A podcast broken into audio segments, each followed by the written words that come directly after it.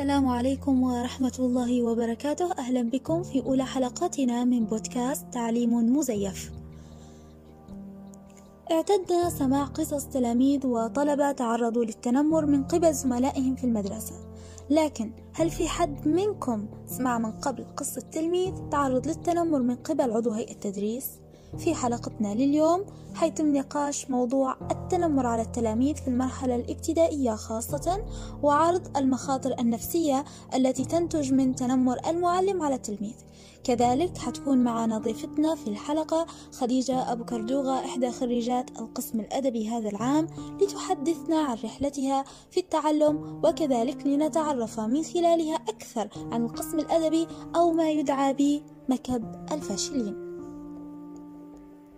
أهلا خديجة. أهلا بك وشكرا لإتاحتكم لهذه الفرصة. في البداية مبارك لك تفوقك في الشهادة الثانوية ونسأل الله أن ينفع بك العباد والبلاد. حنحكوا في الحلقة على أغلب محطاتك الدراسية اللي مريتي بها. وحنتناقشوا في عدة مواضيع لذلك خلينا نبدو من البداية. تحديدا خريف 2008 لما كانت خديجة جالسة على مقعد الصف الأول الابتدائي في إحدى المدارس القروية بمدينة مصراتة تعرضت للتنمر من قبل معلمة الرياضيات آنذاك. وللناس اللي ما تعرفش معنى التنمر التنمر بشكل مختصر جدا هو الاعتداء على الآخر والإساءة ليه سواء لفظيا أو جسديا. فاحكي لنا كيف كانت التجربة كيف بدأ الموضوع وما هي ردة فعلك عليه تعنيف المعلمة ليك في ذلك الوقت وشن كانت شن كانت آثار التعنيف ده على تعليم خديجة حياة خديجة وشخصية خديجة؟ فتفضلي احكي لي وأحكي للمستمعين توا قصة تعنيفك من قبل معلمة الرياضيات في المرحلة الابتدائية. أول مرة دخلت فيها للمدرسة. وأنا آه، طفلة سبع سنوات آه، كنت فعليا ما نعرفش أي شيء عن العملية التعليمية. آه، ما نعرفش مثلا كيف تكتب الأحرف أو ما هي الأحرف. كنت ما نعرفش نفرق بين رقم واحد وصفر. كنت كما قال الفيلسوف الرياضي ديكارت عقلي صفحة بيضاء. لا يوجد فيه أي معارف سابقة. لا أمتلك أي خبرات لا أمتلك أي أي شيء أي شيء عن الدراسة عن عن العلم. كنت آه، شخص أمي يعني. لما تطلقي هدا كنت شخص ما, ما, ما عندهاش أي شيء ما يعرفش أي شيء. فبداية دخولي للمدرسة كن كان المعلمات يتعاملن مع التلاميذ آه، سواء ك... كأنهم ما فيش فروق فردية يعني. ما أخذوش الفروق الفردية بعين الاعتبار. تعاملوا معنا بنفس الطريقة. تعاملوا معنا على أننا كلنا دخ... آه، تم تأهيلنا للمرحلة الابتدائية. في الوقت اللي أنا ما دخلتش روضة لأسباب معينة مختلفة يعني. في بداية دخولي للمدرسة تعرضت للتهميش من بعض المعلمين أو ما نقدرش نقول عليهم معلمين أشخاص ما ما خذوش حالتي يعني في عين الاعتبار وحاولوا يحسنوا منها. أما كان في معلمة تعرضت آه، من منها يعني تعرضت لي بطريقة مختلفة جدا بطريقة سيئة جدا. آه، كان تنمرها علي بشكل آه، يعني تنمرت علي من ناحية جسدية أو من ناحية لفظية. كان تنمرها يعني لفظي وجسدي. كانت ما كانتش معلمة. كانت عبارة عن وحش. بالنسبة لي أنا كانت عبارة عن وحش. كان شخص بس يصرخ علينا يتعامل معنا بفوقية. ما كانتش ما يعني انت تو تشوفي طفل يعني انت قدامك طفلة. يعني انت بتعامليها بطريقة مختلفة بتفهميها. لا إحنا كنا نضربه أنا فعليا لما كنت نطلع على السبورة كانت ما كنتش نستوعب المادة التعليمية اللي هي كانت تقدم لي فيها على أساس كانت تاخد راسي وتضربني في السبورة يعني. تخيلي أنت يعني طفل ينضرب في السبورة يعني شنو؟ يعني هذا عنف. وكأنها هي في داخلها في داخلها غضب وتفرغ فينا أو عندها مشاكل وت وإحنا تاخذنا كمتنفس لها. أنا حاليا خديجة اللي عمرها 18 سنة مستحيل. يعني أنا لما نتفكر زمان لتو الصورة موجودة قدامي ما ننساش ملامح ملامحها ما ننساش نفسي ما ننساش نفسي كيف كنت. كنت عبارة عن شخص جامد كتلة من الجمود. يعني هي كانت تعطي المادة أني كنت منعزلة. يعني أني فعليا مش عارف كيف نقدر نوصف لك. أني كان راسي مسقع. فهمتي؟ يعني لو نعطي لك بلهجتنا كان راسي مسقع. يعني مش فاهمة مش مستوعبة شيء. أني معزولة ما نسمعش في أي شيء وما نفهمش في أي شيء وما نستوعبش في أي شيء. تخيلي طفل يمكن يتعرض انه يقع على الأرض يبكي. أنا كنت ننهان نتعرض للضرب. أه تلفظ علي بألفاظ أنا ما يطوعنيش لساني أبدا. نذكرها. ما كانتش تنزل لي دمعة. ف.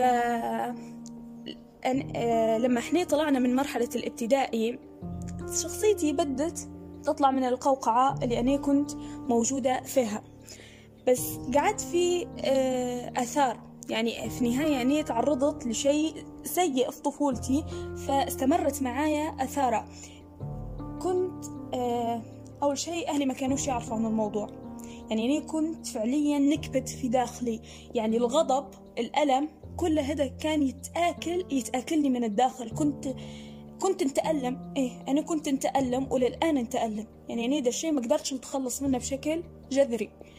آه كان كنت معيشة نفسي بوهم بوهم إني أنا ما تعرضتش للشيء هذا. يعني اني ليش خديجة تبي تكون زي, زي باقي زميلاتها؟ عادي.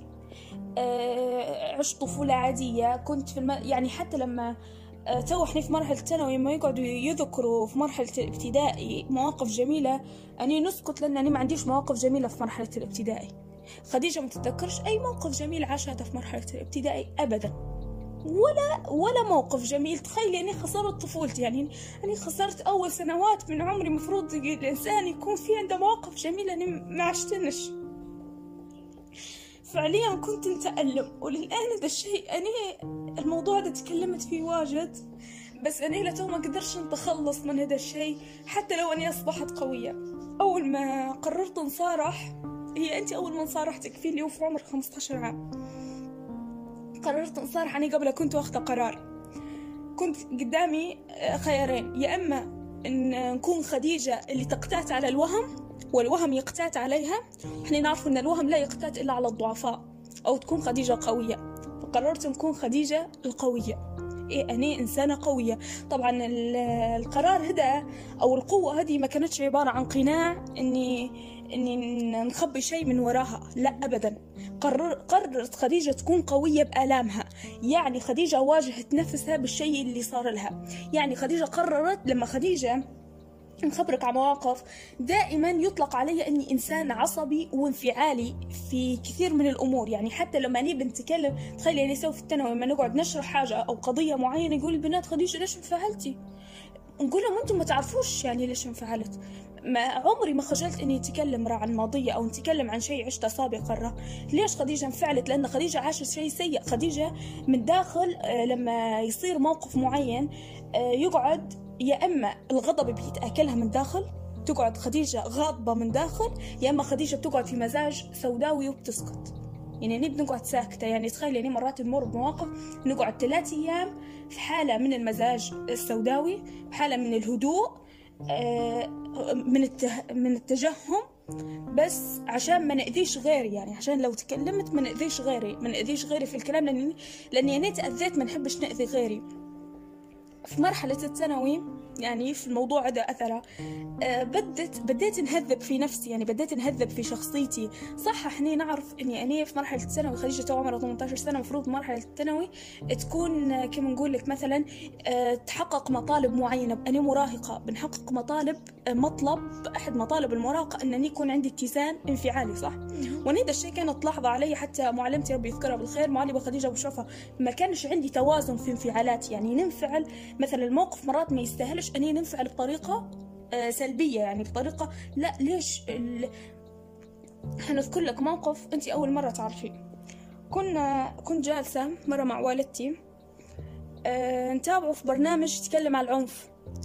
أه أم فقدت بنتها عن طريق زو يعني البنت قتلها ولد أبوها. آه، قتلها بطريقة بشعة جدا. فالأم قعدت تتكلم محروق قلبها على بنتها إنها كيف انقتلت بالطريقة هذه وكيف بوها عذبها.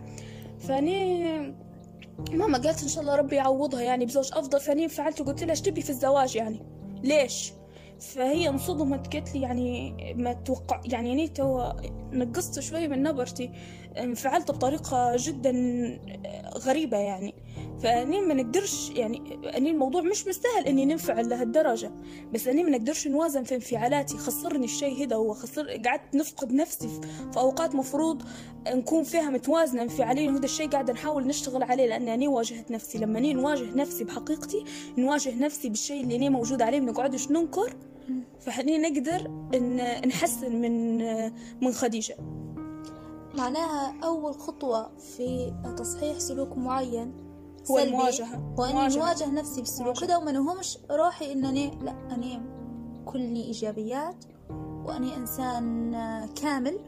أنا كلنا نعرف الكمال لله لكن في ناس قاعدة توهم في نفسها أن هي كاملة عقليا ونفسيا. طبعا آه سبين آه أنت مرات توصلي أنا خديجة نوصل لمرحلة معينة نحب ألامي. لأن ألامي هذه خلت مني إنسان أنضج خلت مني إنسان يمكن غيري مش مش كيف خديجة ما يفكروش بطريقة خديجة. لا أني أني الآلام اللي عشتها لدرجة إني أصبحت متصالحة معها إني أني نحبها خلاص ما عنديش مشكلة. يعني ما عنديش مشكلة إني إني نواجه فيها أو إني نطلعها بالعكس. إحنا هيك آه، جميعنا أشخاص ويمروا بمشاكل مفروض نواجهوا نفسنا ونطلعوا وما نخرجلوش منها أبدا لأن الاضطرابات النفسية الأوجاع النفسية جزء منها. هذه النفس معقدة. الله عز وجل لما خلق النفس دي معقدة ويمكن التعرض لأي شيء. بس إحنا لأنها أمانة عندنا لازم نعالجها وهل آه، عالجتي نفسك كليا؟ ولا قاعدة في بداية الموضوع. بالنسبة للاتزان الانفعالي يعني هل وصلتي لخلاص تقدري تقولي عليه عليه نفسك توا إن انت متزنة انفعاليا بالكامل ولا قاعدة قاعدة في البداية؟ لا قاعدة في البداية ما وصلتش أنا إن شاء الله آه، مستقبلا عندي النية الكاملة أني أنا آه، بالعكس نشوف دكتور نفسي ونتكلم معاه ونقعد فهمتيني؟ في مسار نفسي أفضل يعني إنه هو في النهاية عندنا دكاترة إحنا وعندنا دكاترة تتعب والتخرج من قسم نفسية عشان عشان تعالجنا إحنا ك...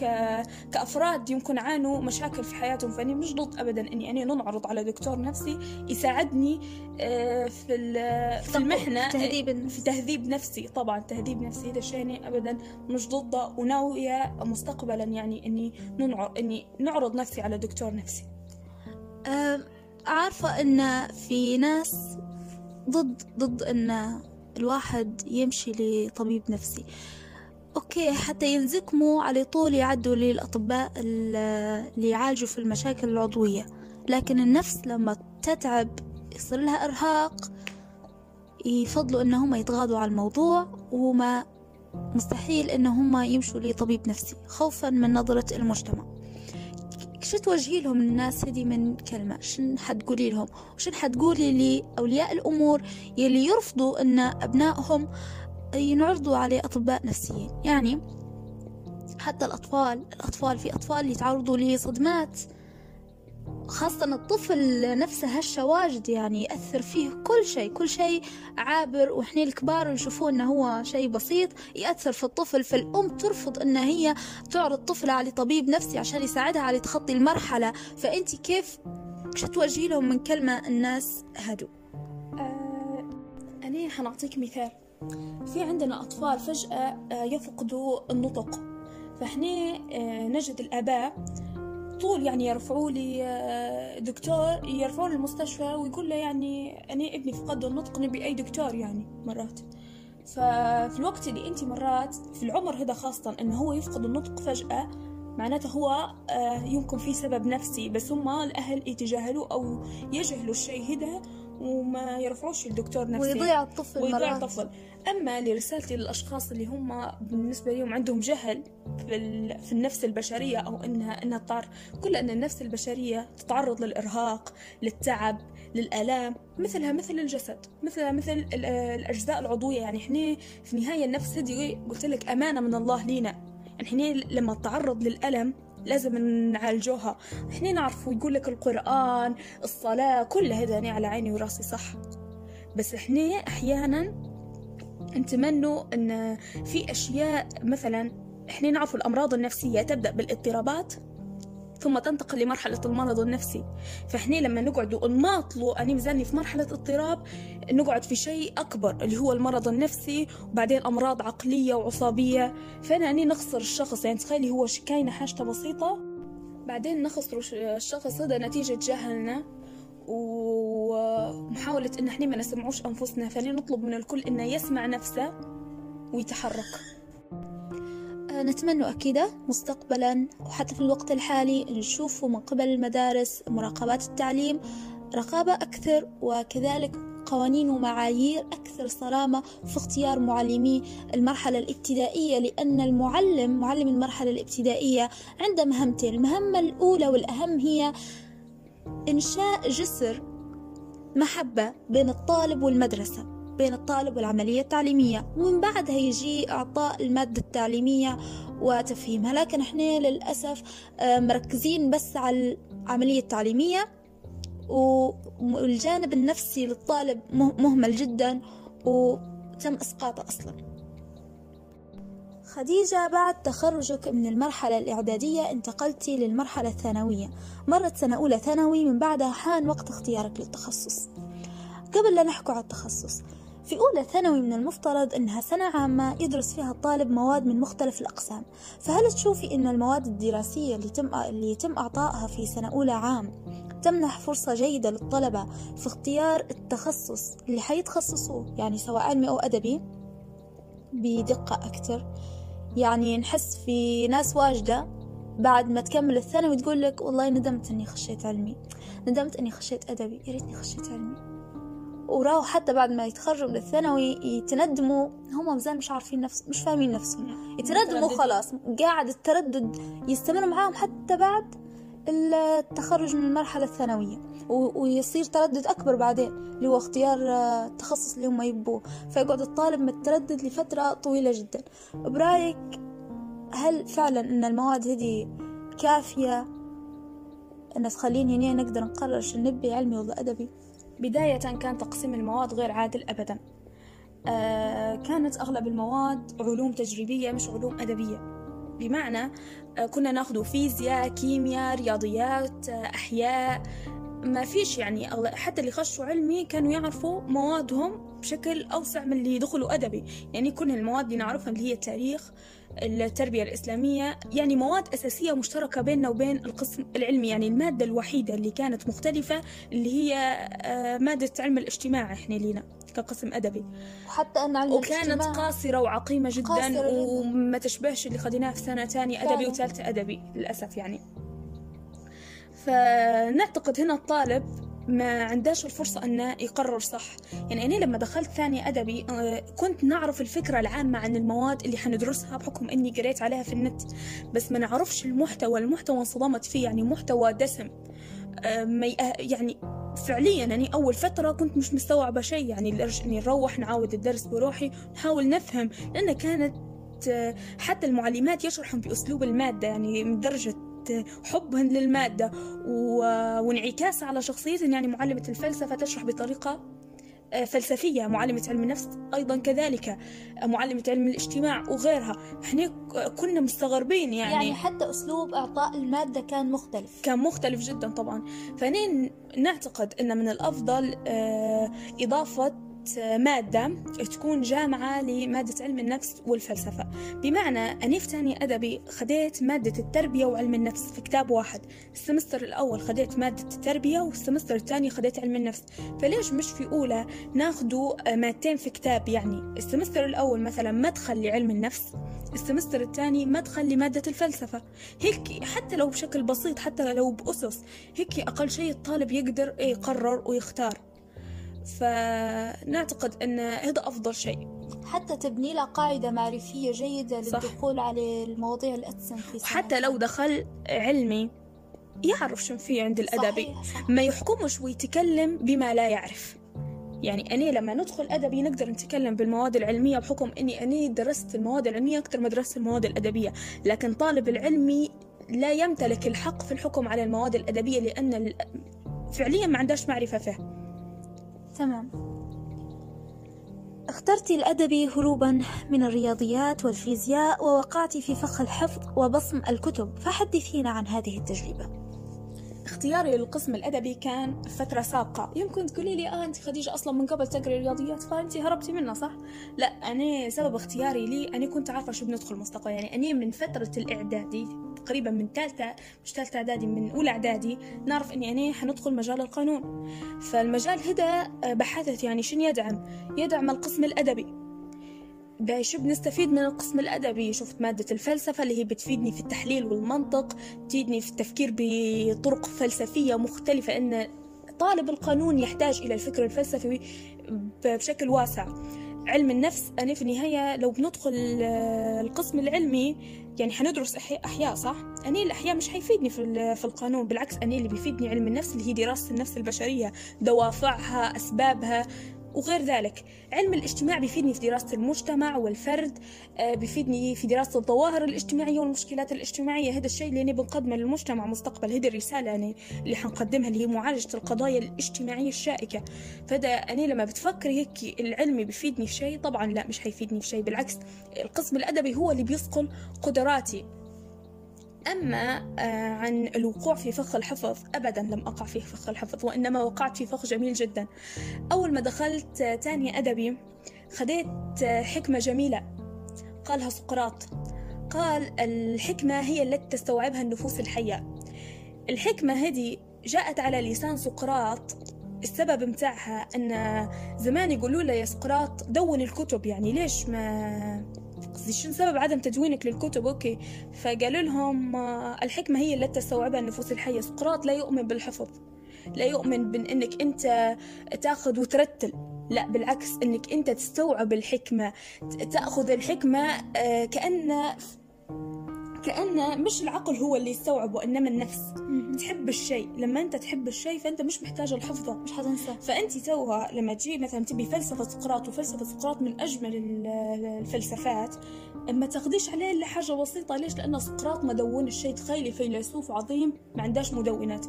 اللي دون تعرفي منه؟ اللي هو أفلاطون. أفلاطون كان عنده محاورات عن لأنه كان تلميذ سقراط.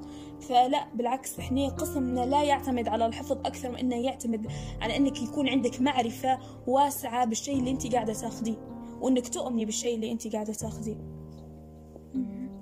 أه، حدثينا كيف كان يومك الأول في القسم الأدبي؟ خاصة أنك زي ما ذكرتي دخلتي وشعرتي بالصدمة بالمحتوى المواد وكي فأكيد حتكون تجربة مختلفة نوعا ما. كيف كان اليوم الأول؟ شن كان شعورك؟ شو المواقف اللي صارت؟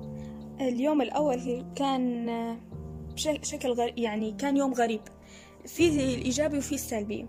الشيء الإيجابي رغم سلبيته البعض يشوفها شيء سلبي إن ما كناش فاهمين شيء. يعني كانت المعلمة كانت تتكلم بلغة مختلفة يعني عن عن اللغة العربية. قلت لك كان أسلوب مختلف كان أسلوب ساحر. كان الأسلوب اللي يتعامل فيه المعلمات في شرح الدروس كان أسلوب فعليا ساحر. ياخذك العالم تاني بس أنت مش مستوعبة شيء يعني. تعرفي تحسي اللذة في تلقي المعلومات لكن أنت مش مستوعبة شيء. أما الشيء السلبي السلبي جدا طبعا وشيء الجاء كمية الجهل فيه مش طبيعية. حنعطيك موقف يلخص الشيء ده. عشناه إحنا كطالبات في ثاني أدبي. كنا 17 طالبة. أول ما دخلت لنا معلمة تقنية المعلومات آه هون قاعد تسأل ليش دخلتوا أدبي؟ طبعا هذا السؤال الشهير. اللي الكل يسألك أنت ليش دخلت القسم الأدبي؟ فكان في إجابات متفرقة. أنا ما تعبرش علي يعني ما تعبرش عن ليش خديجة دخلت القسم الأدبي. في النهاية كل واحد ليه إجاباته. فقالت لنا كلمة. قالت لنا رحم امرئ عرف قدر نفسه. فأنت لما تسمعي كلمة من شخص جاهل فعليا يعني شخص تخيلي كيف أنت تقول الطالب رحم امرئ عرف قدر نفسه؟ أنا ابتسمت آه، قعدت في عدة أفكار تدور في عقلي. قلت لو بنرد بنعتبر كلامها إهانة. يعني أنا لما بنقولها لا إحنا دخلنا لأسباب وأسباب أسباب هي بتقول لي نعرف شو بترد علي بتقول لي آه انت معناتها تعتبري كلامي إهانة عشان هيك رديتي. لا أنا هل كان في نبرة صوتها لما حكيت؟ طبعا كان في إهانة. لما هي أصلا الجملة مهينة بس أني عمري ما ت... ما ما خذيت إني أني دخولي القسم الأدبي كان شيء مهم بالعكس كان شيء مشرف لي وأني تشرف إني يقول أني خديجة علي أبو كردوخة خرجت القسم الأدبي أه سبين أنت قلتي لي في بداية سؤالك اللي قبل السؤال ده إنك أنت وقعتي في فق الحفظ صح؟ صحيح أه نقول لك إحنا يمكن أي إنسان يختار يقول لك لا نمشي علمي ولا نمشي أدبي تعرفي ليش؟ يعاملوا فينا على أننا ناس فاشلين. القسم الأدبي للضعفاء القسم الأدبي للفاشلين. نعرف طلبة واجد يحبوا القسم ويبوا يدخلوه بس أهلهم رافضين وإني الشيء هذا صدمني. يعني يعني عشت في منزل يحترم قراراتنا. يعني إنت ما أول ما قلت لهم أني أني أصلا ما نشاورش فيهم يعني قلت لهم أني حنخش القسم الأدبي. هذا قراري. يعني هذا الشيء أنا اللي بندرسه في النهاية مش هم اللي حيدرسوا. بالعكس رحبوا في الموضوع. يعني ما قالوليش أختك دخلت القسم العلمي لا بتخشي كيف أو القسم الأدبي للضعفاء. لا بالعكس كانوا مسانديني في قراري. فانصدمت اني إن في ناس ترفض دخول الطلبة للقسم الأدبي. كنا نتعرض للتنمر فعليا من زملائنا من القسم العلمي واني ما نعممش ان في عقول في القسم العلمي نحترمها. ينظروا لنا تخيلي يعني أكثر طالب مهمل في القسم العلمي ينظر لطالب الأدبي المجتهد على أنه أقل منه. أني هنا نقدر نفسر لك حاجة. الأشخاص هذيوما يعانوا من نقص فهم يشوفوا روحهم أفضل منا يعني فهمتي؟ فهم عليك. آه في تعقيب بس. بنحب بنحب نوصل رسالة لزملائي من القسم العلمي اللي عندهم نسبة جهل كبيرة للأسف يعني بعضهم. سقراط آه سمي قال على نفسه أنا أحكم أهل عصري لأنني جاهل أعرف أنني جاهل. في الوقت اللي أهل عصره جاهلون لا يعرفون أنهم جاهلون. طبعا سقراط لما قال على نفسه هيك مش لأنه هو جاهل هو في النهاية فيلسوف عبقري بامتياز بس هو سقراط بالنسبة لي إن كيف نوضح لك إن, إن الإنسان قد ما يتعلم في الدنيا هذه في أمور جاهل فيها. في أمور ما وصلهاش.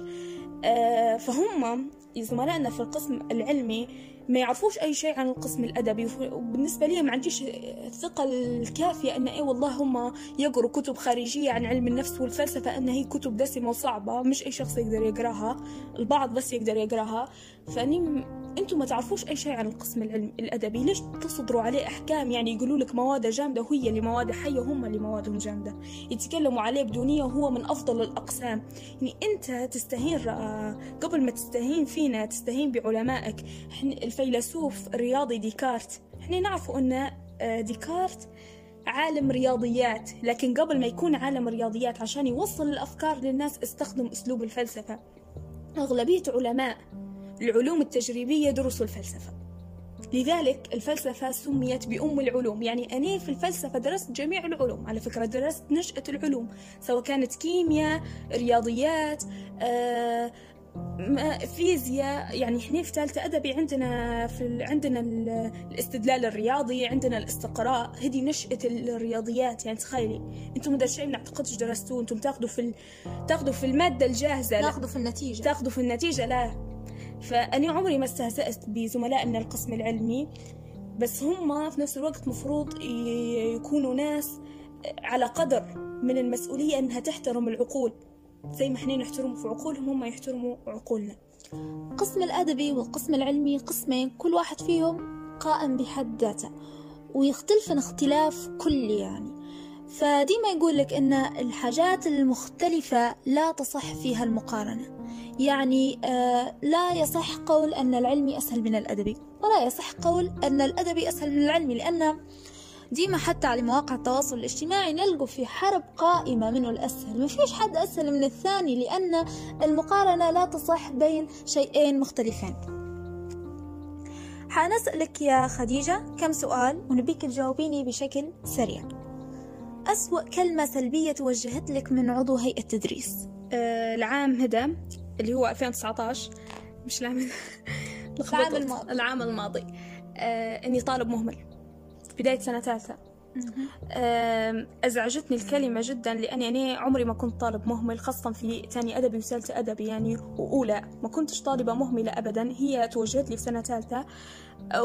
وتوجهت لي حتى لأني أنا مش غالطة بس لأني أنا قدمت نقد في موضوع معين.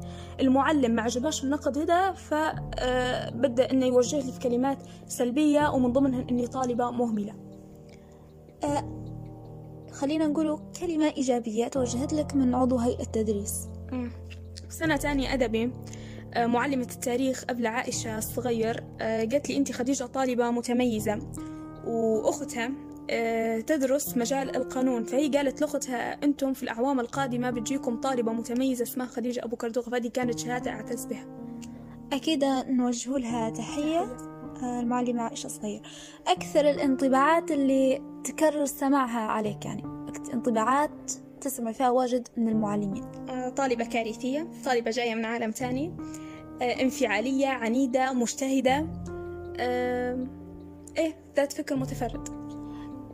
خلينا نسألك أنا سؤال. كارثية زي ما وصفتي أو زي ما يوصفوا فيك شن سبب الانطباع هذا؟ من شن كان سببه؟ كذا كان شن اللي لاحظوا فيه عليك؟ مش هم يقولوا إن خديجة شخص كارثي. كنت نناقش في مواضيع آه، يمكن ما فيش حد يجرأ يناقشها بينه وبين نفسه.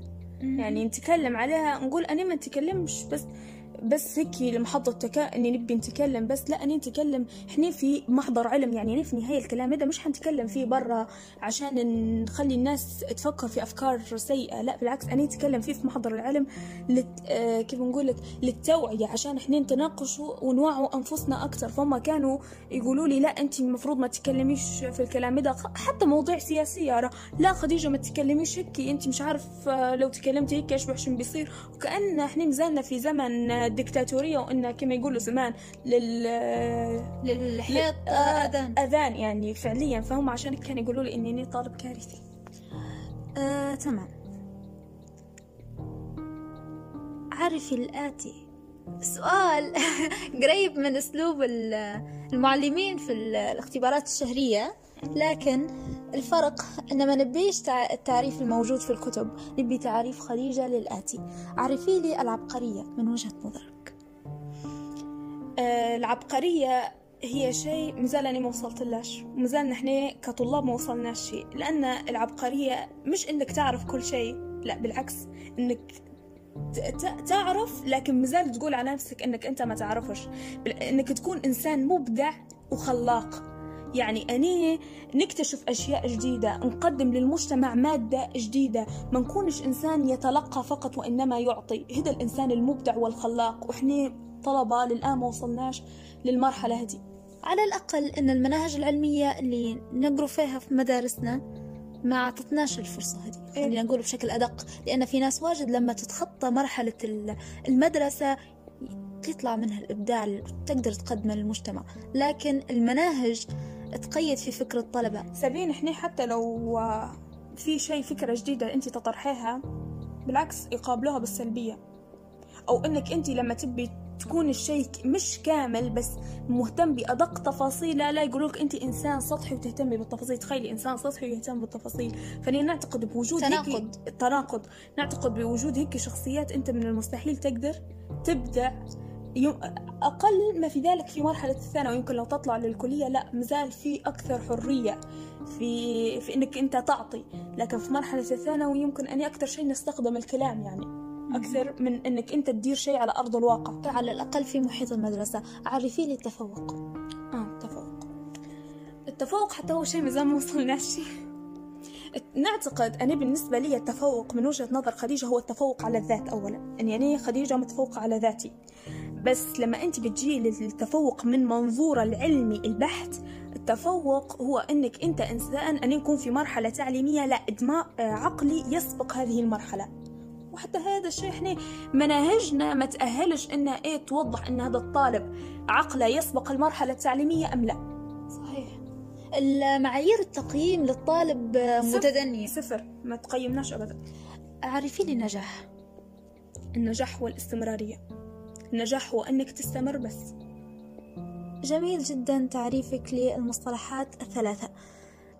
تحصلتي هذا العام في الشهادة الثانوية على نسبة 97.3% مع العلم أنك لم تلتحقي بركب الأوائل على مستوى ليبيا بالرغم من أنها كانت إحدى غاياتك هذا العام. كيف كان أثر هالشيء عليك وشن يعني لك رقم 97 آه، خديجة مش مجرد رقم. مش مجرد 97 خديجة معارف خديجة علوم خديجة مشاعر آه، خديجة فكر. آه، لو أنا بنقول لك يمكن كنت حنزعل. طبعا حنزعل لو كانت على مستوى الوطن. لو كانت أن الشهادة الثانوية كانت على مستوى الوطن كان حيزعجني هذا الشيء بس على مستوى المنطقة الغربية طبعا مش حيزعجني. لأن إحنا لاحظنا آه، في المؤتمر اللي عقد آه، معالي وزير التعليم الموقر لما قال أن التراتيب الأولى على مستوى ليبيا بالنسبة لي مستوى ليبيا أي مستوى ليبيا؟ ليبيا شنو بالنسبة لي؟ ليبيا المنطقة الغربية بس. ليبيا جنوب وشرق وغرب. انت وزير وصلت للمرتبة العالية هدي وغير المراتب العلمية اللي انت متحصل عليها ما تعرفش آه، مستوى. ما تعرفش معنى الوطن ما تعرفش معنى ليبيا فما ما نلومش على التعليم يعني أنا ما نلومش على التعليم للوضع اللي وصلنا له حاليا لأن الوزير عايش في الوهم بروحه فهذا الشيء طبعا ما يزعجنيش ولله الحمد ما جبتش من التراتيب على مستوى ليبيا أنت كانت غايتك من بداية العام ممكن نعتبر أن كلامك هدا سبب غيرة أو مكابرة. لا طبعا ما هوش غيرة. أول شيء هي مش غايتي كانت غاية والدي وما حققتهاش. يعني أنا ما حققت؟ لاش أه إني نجيب على مستوى المنطقة الغربية. بس أه طبعا هو ما ازعجاش هذا الشيء بشكل كبير عادي. أه أما إنك أنت تقولي لي الموضوع غيرة لا عمره ما كان غيرة. وانتي أكثر من يعرف يا سبين إن لو أني قدمت طعن في نتيجتي لكانت التراتيب كلها تأخرت. انتي تعرفي قديش إن واخدين مني درجات وكمية الأخطاء في نموذج الإجابة. بس لما خديجة تقول هي مش مجرد رقم هي مش مجرد سبعة وتسعين. فهيك بتكون متناقضة مع نفسها لما بتجري بتلهث وراء الدرجات. إضافة أني سبب عدم سبب تاني عدم تقديمي للطعون آه، هو أني أنا في النهاية مش هنخلي الحكم هو الجلاد نفسه. فأني لا ثقة في المركز الوطني للامتحانات هذا الشيء اللي خلاني ما قدمش طعن. كيف يكون الحكم هو الجلاد نفسه؟ ما هو اللي آه، خديت درجات يعني هو اللي ما كانش من البداية أمين على الدرجات هو نموذج الإجابة متاعه غلط.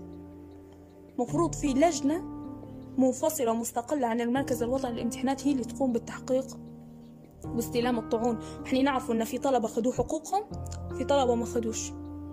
أنا راضية بالنتيجة اللي وصلت لها. خديجة مش مجرد رقم خديجة مش مجرد سبعة وتسعين خديجة أكثر من هيك. هاتنين بالمية اللي خسرتهم مش حيخليني أفضل. ولو تحصلت عليهن يعني لو ما تحصلتش عليهن مش حنكون أسوأ من اللي أنا الآن فيه ولو تحصلت عليه مش حنكون أفضل. إذا تعتبري أن الطالب الحقيقي وأن العقول لا لا تقدر أو لا تقيم بالأرقام. منهجنا أو الامتحانات اللي خضعنا لها أبدا ما تقيمناش. مش أنا حصلت على 97 ما نعتبرش ال 97 هذه تقيم قدراتي أبدا. حتى لو تحصلت على 100% فهي ما تقيمنيش. جميل آه جدا. 23 آه، يناير حتبدأ رحلة الشهادة الثانوية في ليبيا. الظروف ح... على الأرجح يعني حتكون مشابهة بعض الشيء. لذلك احكي لهم كيف تخطيتي المرحلة بنجاح وش نصيحتك ليهم عشان يتخطوا العام بأقل أضرار ممكنة بداية من المذاكرة اليومية حتى امتحانات الفترة الثالثة. حنتكلم على تجربتي بشكل مختصر. آه، في البداية لازم يكونوا طلبة مسؤولين. يعني يكون عندهم نوع من حس المسؤولية اتجاه الدروس اتجاه المنهج آه، ما يحاولوش ياخدوا آه، يكونوا أو ياخدوا دور الضحية في الموضوع كله. لا بالعكس يكونوا طلبة مسؤولين ويحاولوا يتخطوا المرحلة. إحنا الظروف الخارجية مش مسؤولين عليها بس الشأن الداخلي لينا كأشخاص إحنا المسؤولين عليه وإحنا اللي نقدروا نتخطوه. آه ثاني شيء أنت كفرد بالنسبة لي أنا كخديجة أبو كردوغة النجاح يرتبط عندي بثلاث أشياء. بالأفكار الإيجابية بالمشاعر الإيجابية بالسلوك الإيجابي. لما ني أفكاري تكون إيجابية المشاعر داخلي تكون فيها تفاؤل سلوكي حينعكس حين... الأشياء دي كلها حتنعكس على سلوكي بشكل إيجابي. هذا الشيء الوحيد اللي حقق لي النجاح. لأن إحنا مر... مرينا بظروف صعبة مرينا بحالات نفسية صعبة. آه خليهم يحاولوا يتعاملوا مع الضغوطات يحاولوا يتخطوها بطريقة إيجابية أكتر. والأهم النجاح بالنسبة لي مفروض ما يرتبطش بمرحلة دراسية معينة وإنما النجاح أساسه هو النجاح في الحياة. أنت كإنسان ضروري تكون ناجح في أشياء أخرى مش بس الدراسة. إحنا خسرنا يمكن عام دراسي كامل أنا بالنسبة لي المنهج ما خليتهاش كامل بس اللي كسبته أشياء كثيرة. قدرت نتعامل مع ضغوطاتي قدرت آه، نبني قاعدة أني العام هذا لو صار معايا نفس الشيء نقدر نتصرف بطريقة أفضل. فأنتم ابنوا قدراتكم. ركزوا على أشياء أخرى تانية إيجابية في حياتكم وما يكونش بس محصور بالدراسة إن إن فهمتيني؟ إن يقولش بس تركيز إني نحصل عليه درجة كاملة في المادة وخلاص لازم نركز على التحصيل العلمي الفعال. الفعال إنتاجية الإنتاجية صحيح. آه، تمام. في أثناء يعني إجراءك للامتحانات النهائية في الشهادة تحديدا الفترة الثالثة كانت في كلية التربية. كان معك عدة طالبات من مختلف الثانويات بالمدينة.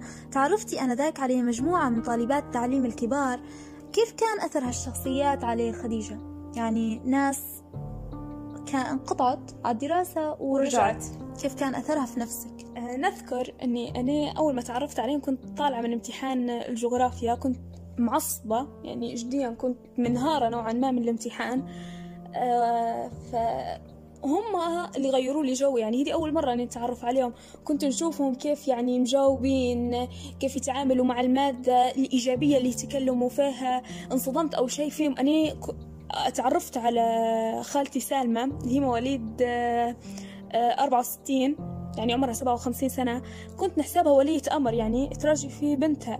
بس لما قالت لي أنا يعني ندرس في قسم الأدب وهيك فانصدمت وقعدت نتكلم معاها.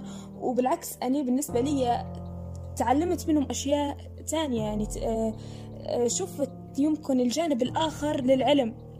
الناس اللي تعلم حبا بالعلم.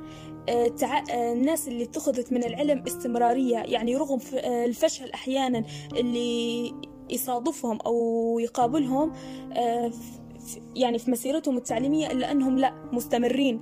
آه، في الوقت اللي إحنا طلبة كثير من الطلبة موجودين معايا يقولوا لي خديجة أنا ما نحبش المدرسة ما نحبش التعليم ما نحبش العلم ما نحبش المواد.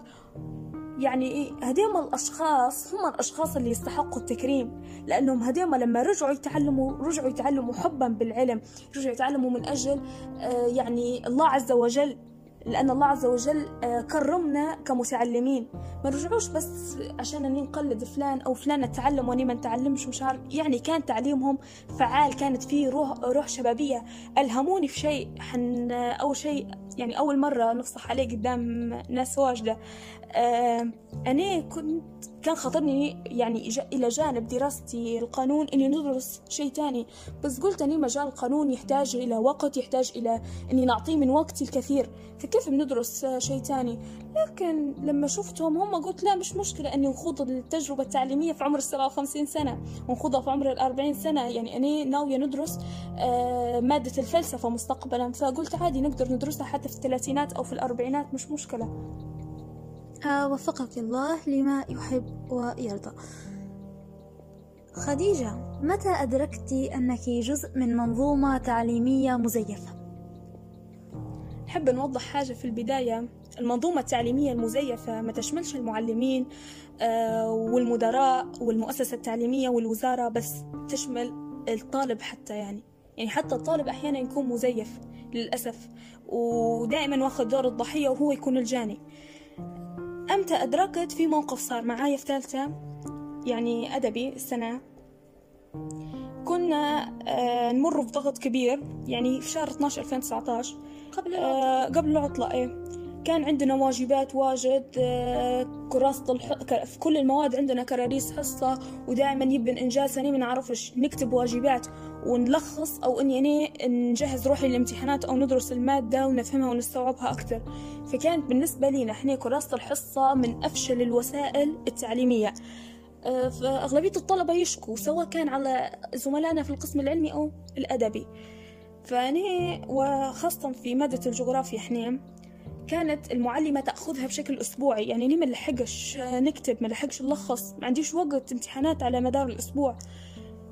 فهي كانت تاخذها بشكل أسبوعي. فأنا واجهتها. من أول ما دخلت للفصل قلت لها إن إحنا ما نقدروش ما نبوش كراسة الحصة. يعني إني ما بدون لف ودوران قلت لها كراسة الحصة ما عادش نبوها. فهي عصبت علي إني كيف ننتقدها أو كيف نتكلم أو نوجه لها نقد أو إني نحس هي لها خبرة عشرين عام. هذا الشيء اللي علقوا علينا هي لها خبرة عشرين عام واني نقدرها وغالي علي واجد قبل خديجة. فهي إن كيف أنت خديجة تنتقديني؟ قالت لي أنت من الطلبة اللي ديما ما فيش على لسانك إلا النقد ما يعجبك شيء لا عجبك المنهج لا عجبك وسائلنا التعليمية لا عاجبينك إحنا ومش وتوجهت لي بأسلوب استغربت أنا. فنزلت للم... قالت أنا ملياش كلام معاكم. نزلت للمدير أساس هذا بتدويله يعني. فالمدير جانا يعني آه، يعطيه العافية. رجالنا ودخلنا الفصل. فكان البنات خايفات. فاني لاني أني أثرت الموضوع فأني ما نحبش غيري آه دخل المدير للفصل فكان البنات خايفات واجد فأني قررت اني يعني مش قررت أني أتحمل المسؤولية لأني أنا أصلا اللي أثرت الموضوع. فقال وحدة منكم تنوض تتكلم. فنط أنا قلت لها أنا اللي أثرت الموضوع أنا اللي تكلمت. هو طبعا جاي ومش ناوي يسمعنا. كان هو في دخوله كان مقرر كل شيء من قبل ما يسمع. تكلم معانا بطريقة يعني ما كانتش احترافية كمدير آه إن أنتم كيف تتعاملوا مع المعلمة؟ هيك المعلمة لها خبرة عشرين عام وانت شن تعرفوا فأنا قلت لها إحنا كطلبة نمر بظروف آه صعبة عندنا آه ضغوطات نفسية يعني إحنا في مرحلة خلاص فاصلة بيننا وبين الجامعة. كل شخص عنده يعني كومه من الهموم شبه. فقال لي أنا أنت ما تعني ليش حالاتك النفسية ولا يعني لي ضغوطك النفسية؟ وقعدي في الحوش كان عندك ضغوط نفسية. قلت له ليش نقعد في الحوش؟ قصدي إحنا شكينا إحنا كطلبة يحق لنا نشكو. فقال لي لا ما يحق لكش تشكي ومش عارف شن هي. ف قاعد يتكلم معنا بطريقة غريبة وبنات فصلي طبعا سكتا. آه، بعض الطالبات يعني ناضن وساندني وتكلمن يعني وقال وقعد يوضحون له إن إحنا جديات ما نبوش كراسة الحصة يعني كراسة الحصة ما نبوهاش. فهو قاعد يقول إنكم أنتم فهمتي خداء إن أنت ما تبنش كراسة الحصة يعني أنت مالكنش داعي ماليش داعي إنك تجن وتقرأ. قلنا له لا إحنا نبو نجو نقروا لكن ما نبوش كراسة الحصة انها تاخذ من وقتنا واجد. فقال منو أنت؟ عشان يعني تحدد إن هل كراسة الحصة نجحت أم لا. المعلم هو اللي يحددها. ستوب يعني لو سمحت. كيف المعلم هو اللي يحدد نجاح الوسيلة التعليمية؟ أنا هو أنا اللي بيتجرب علي. وهو اللي جايب الوسيلة وبيجربها علي. أنا اللي فشلت علي التجربة. فأنا اللي نحدد هل هي صحيح. آه يعني هذا في قوانين آه قوانين علمية وضعتها. تج... الوسيلة التعليمية لكراسة الحصة فاشلة نعتبرها أنا. غيرهم يجوا يقولوا لي لا حنين نلخصوا على عيني وراسي. حتى أنا في الكتاب نلخص و... وديما دايرة مخططات تلخيصية وغيرها ملخصات عندي. بس اني نكون لما نكون ملزمة و... سبين انت تعرفي حتى ان المعلمات يقولون لك مثلا نبو يقعد نبو آه... تلخصينا بالطريقة دي نبو الطريقة دي. تقييد. مش تقييد في تقييد أكثر. وتقييد في اليوم وغيرها يعني مش مرة في الشهر يعني تخلي أسبوعية. هذا الشيء تعبنا فهو تعامل معنا بطريقة فوقية جدا إن أنت منو أنت شن تعرفي والمعلم هو اللي يحدد الوسيلة التعليمية وغيرها بس لأن المعلم خبرته عشرين سنة. المعلم معلمة خديجة أنا استفدت منها شخصيا بس هذا ما يعنيش أني أنا في أشياء نعترض عليها. طبعا المعلمة هي اللي ربحت هنا. واستمرينا يعني على كراسة الحصة. بس هي رغم ذلك تقولي خديجة مقتنعة نقولها أني حنكتب كر... حنلخص كراسة الحصة وكل شيء تمام بس هذا ما يعنيش إني أنا اقتنعت. لا تقول ضروري تقتنعي. يعني هم يبوا يجبروك على الشيء بس يبوك تقتنعي حتى في الشيء. لأنهم ما حاولوش يقنعوك. لا ما حاولوش يقنعوني. يبوك تقتنعي لا بس. تصرفوا بطريقة جدا سيئة معي. لما انت لما مدير يجي يقول لي انت منو؟ يعني فعليا سبين توجه لي فيها الكلمة. فعليا اتهمنا بقلة الأدب لأن بس اشتكينا. فعليا إحنا بكينا كطلبة. إن يعني أنت قائد قائد مؤسسة. تعرف معنى قائد؟ معناتها القائد يسمع أكثر ما يدوي أصلا. انت ما سمعتناش. انت بس أطلقت أحكام مسبقة من قبل حتى أنك تدخل للفصل. إذا عند هذا الموقف أدركت خديجة فعليا أنها ضمن دائرة تعليمية مزيفة. أدركت أن المعلمين أو القادة الذين يقودون المؤسسة المؤسسات التعليمية جاهلين. بكل بساطة. إلا إلا الأقل طبعا لأن آه، إحنا في ك- كثانوية مروا أشخاص جيدين. يعني يحق لي هنا نذكر آه، الأستاذ سالم اللي هو إداري. آه، مثلا نذكر أبلة حواء المحجوب اللي هي معلمتي في التربية الإسلامية. كانوا من الأشخاص اللي لو التجأنا لهم في موضوع معين كانوا من الأشخاص اللي يسمعوا لنا. بالعكس يحاولوا أنهم يكونوا آه، وسيط بيننا وبين الإدارة. فأنا ما نقدرش ننكر الشيء هذا. آه، تمام. تخصص القانون بالنسبة ليك غاية أم وسيلة؟ طبعا وسيلة الغاية هو الإنسان. عمري ما اتخذت من تخصص القانون على أنه غاية. غاية بشنو هو؟ عبارة عن سنة عبارة عن سنوات دراسية نحن ندرسها وبعدين اللي هي الغاية هو الإنسان وإني نحقق الإنصاف للإنسان. طبعا الله عز وجل هو اللي يحقق العدالة على الأرض بس الله جعلني وسيلة مسخرة أمام مستقبلا أمام الكثير من الناس. آه، مسددة إن شاء الله في دراستك للقانون. أخيرا رسالة توجهها للطلبة اللي يسمعوا فينا ومحتارين في موضوع التخصص واختيار الكليات. حاليا ما نقدرش نوجه لهم أي شيء اللي هم آه، بنفس فئتي العمرية بس أنا نوجه آه، رسالة للأشخاص اللي حيدخلوا للسنة الثانية من مرحلة الثانوية. اختاروا صح. شوفوا قدراتكم شوفوا ميولكم. ما تسمعوش لغيركم اسمعوا لأنفسكم.